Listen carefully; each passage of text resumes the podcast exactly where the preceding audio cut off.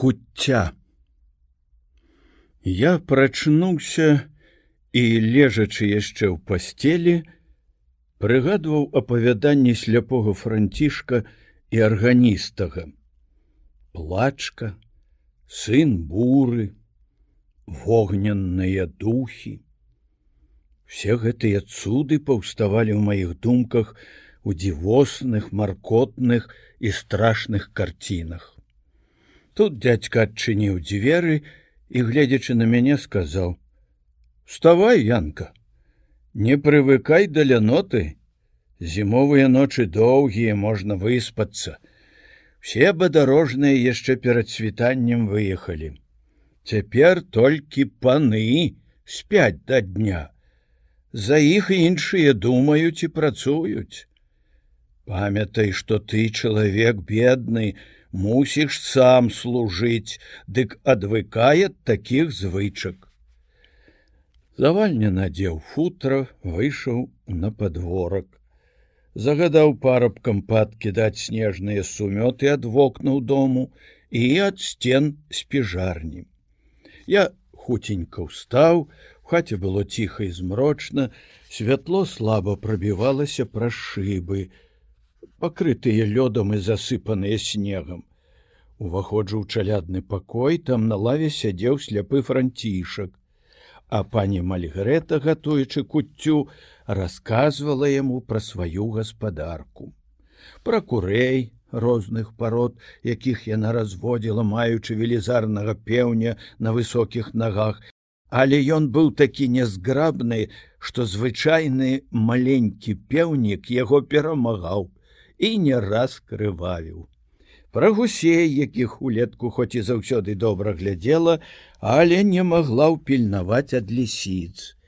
Казала, як аднаго разу на возеры паляўнічы адным стрэлам забіў некалькі свойскіх качак, мяркуючы, што гэта дзікія. І з таго часу трэба мець іх на воку, каб далёка не адплывалі ад дому. Калі так размаўлялі, дядька пастукаў у вакно, кажучы: « Бачу здалёк, Па возеры нехта едзем. Здаецца, гэта пан Марагоўскі з дзецьмі вяртаюцца з полацка. Загадай, каму вас пані хутчэй упарадкавацца ў пакоі. Дасюль яшчэ подлога не падмецена. Імклівыя коні павярнулі з вялікай дарогі, мінулі бераг возера і ўжо ля брамы. Дядька сустракае гасцей. У возе сядзеў пан Марагоўскі, ля яго трое дзяцей, ухутаных мядзведжым футрам і абвязаных хусткамі так, што толькі вочы відаць. Выбегла з дому пані Мальгарета і дзяцей унеслі ў пакой. На снеданне было пададзена падагрэтае піва. Шкаляры, пачуўшы цяпло, зашумелі як пчолы ў вуллі. Кожны апавядаў пра сваю вучобу, пра таварышаў, настаўнікаў, пра розныя школьныя выпадкі і здарэнні. Сляпы францішак далучыўся да іх, і яны пад сакрэтам расказалі яму свае вершы, якія вывучылі на памяць, каб павіншаваць бацьку. Перада мною яны хваліліся ўзнагародамі за іспыты. Дасталі са скрыначкі абразкі клаўбера розных памераў, крыжыкі, мядзяныя медалькі. Шмат расказалі вывучанага зальвара і шмат пераклалі з лаціны святое гісторыі. Пан Марагоўскі пацвердзіў бацьку, што стася і юзіка за стараннасць у навучанні за добрыя паводзіны хвалілі і ўзнагародзілі ксёнз прэфект і настаўнікі. Дядзька цешыўся гэтым, абяцаў ім пашыць новыя капоты і даць грошай на розныя школьныя патрэбы. Доўга цягнулася размова пра полацкі кірмаш краснік.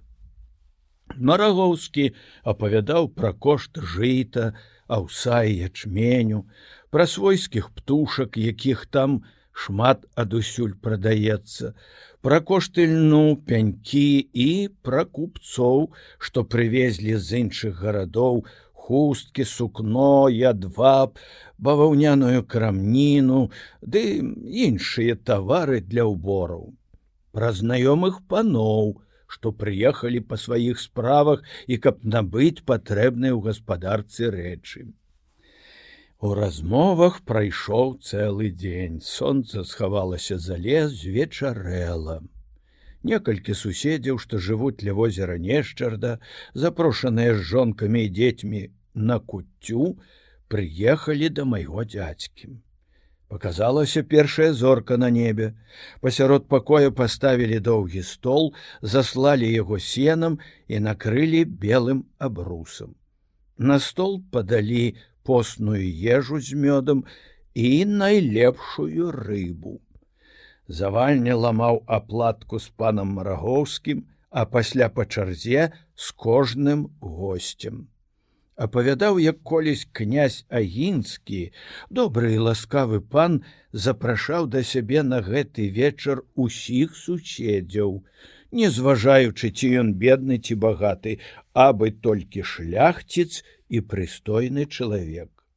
З незвычайнай сардэчнасцю прымаў гасцей, шчыра і адкрыта з кожным размаўляў, бавіў іх, апавядаючы размаітыя даўнейшыя гісторыі. Марагоўскі прыгадваў, што раней гэтых абрадаў свята трымаліся ва ўсіх дамах нашага павета. Сёння ўжо не тоем. У некаторых паноў змяніліся старыя звычаі і парадкі, за што Бог недабраслаўляе. І часы ўсё горшыя і горшыя. За гэтаю размоваю асобныя госці, седзячы пры стале, падсоўвалі руку пад абрус, выбіралі на ўдачу даўжэйшую сухую сцяблінку, паказвалі адзін аднаму загадвалі ці высокі будзе наступнай вясною расці лён, а апаненкам прадказвалі хуткае замуджа. Шукалі пад сенам зярнятак жыта, пшаніцы ці іншага збожжа, бо яно, выпадкам знойдзенае ў гэты вечар пад сенам на стале, вешчавала вялікія ураджаі. Пасля вячэры, гледзячы на яснае зорным сяйвом неба і на вогненныя дарогі метэарытаў, выказвалі надзеі на добрую вясну і на багаты збор садавіны і гародніны восень. О салодкія ўспаміны забаў і звычаяў роднае зямлі, як кароткае шчасце, як прыемны сон, як вера, бацькоў. Навек застануцца яны ў памяці. Яны наймілейшая забава самотным думкам, па іх, як выгнанніца з раю, сумуе заклапочаная душа.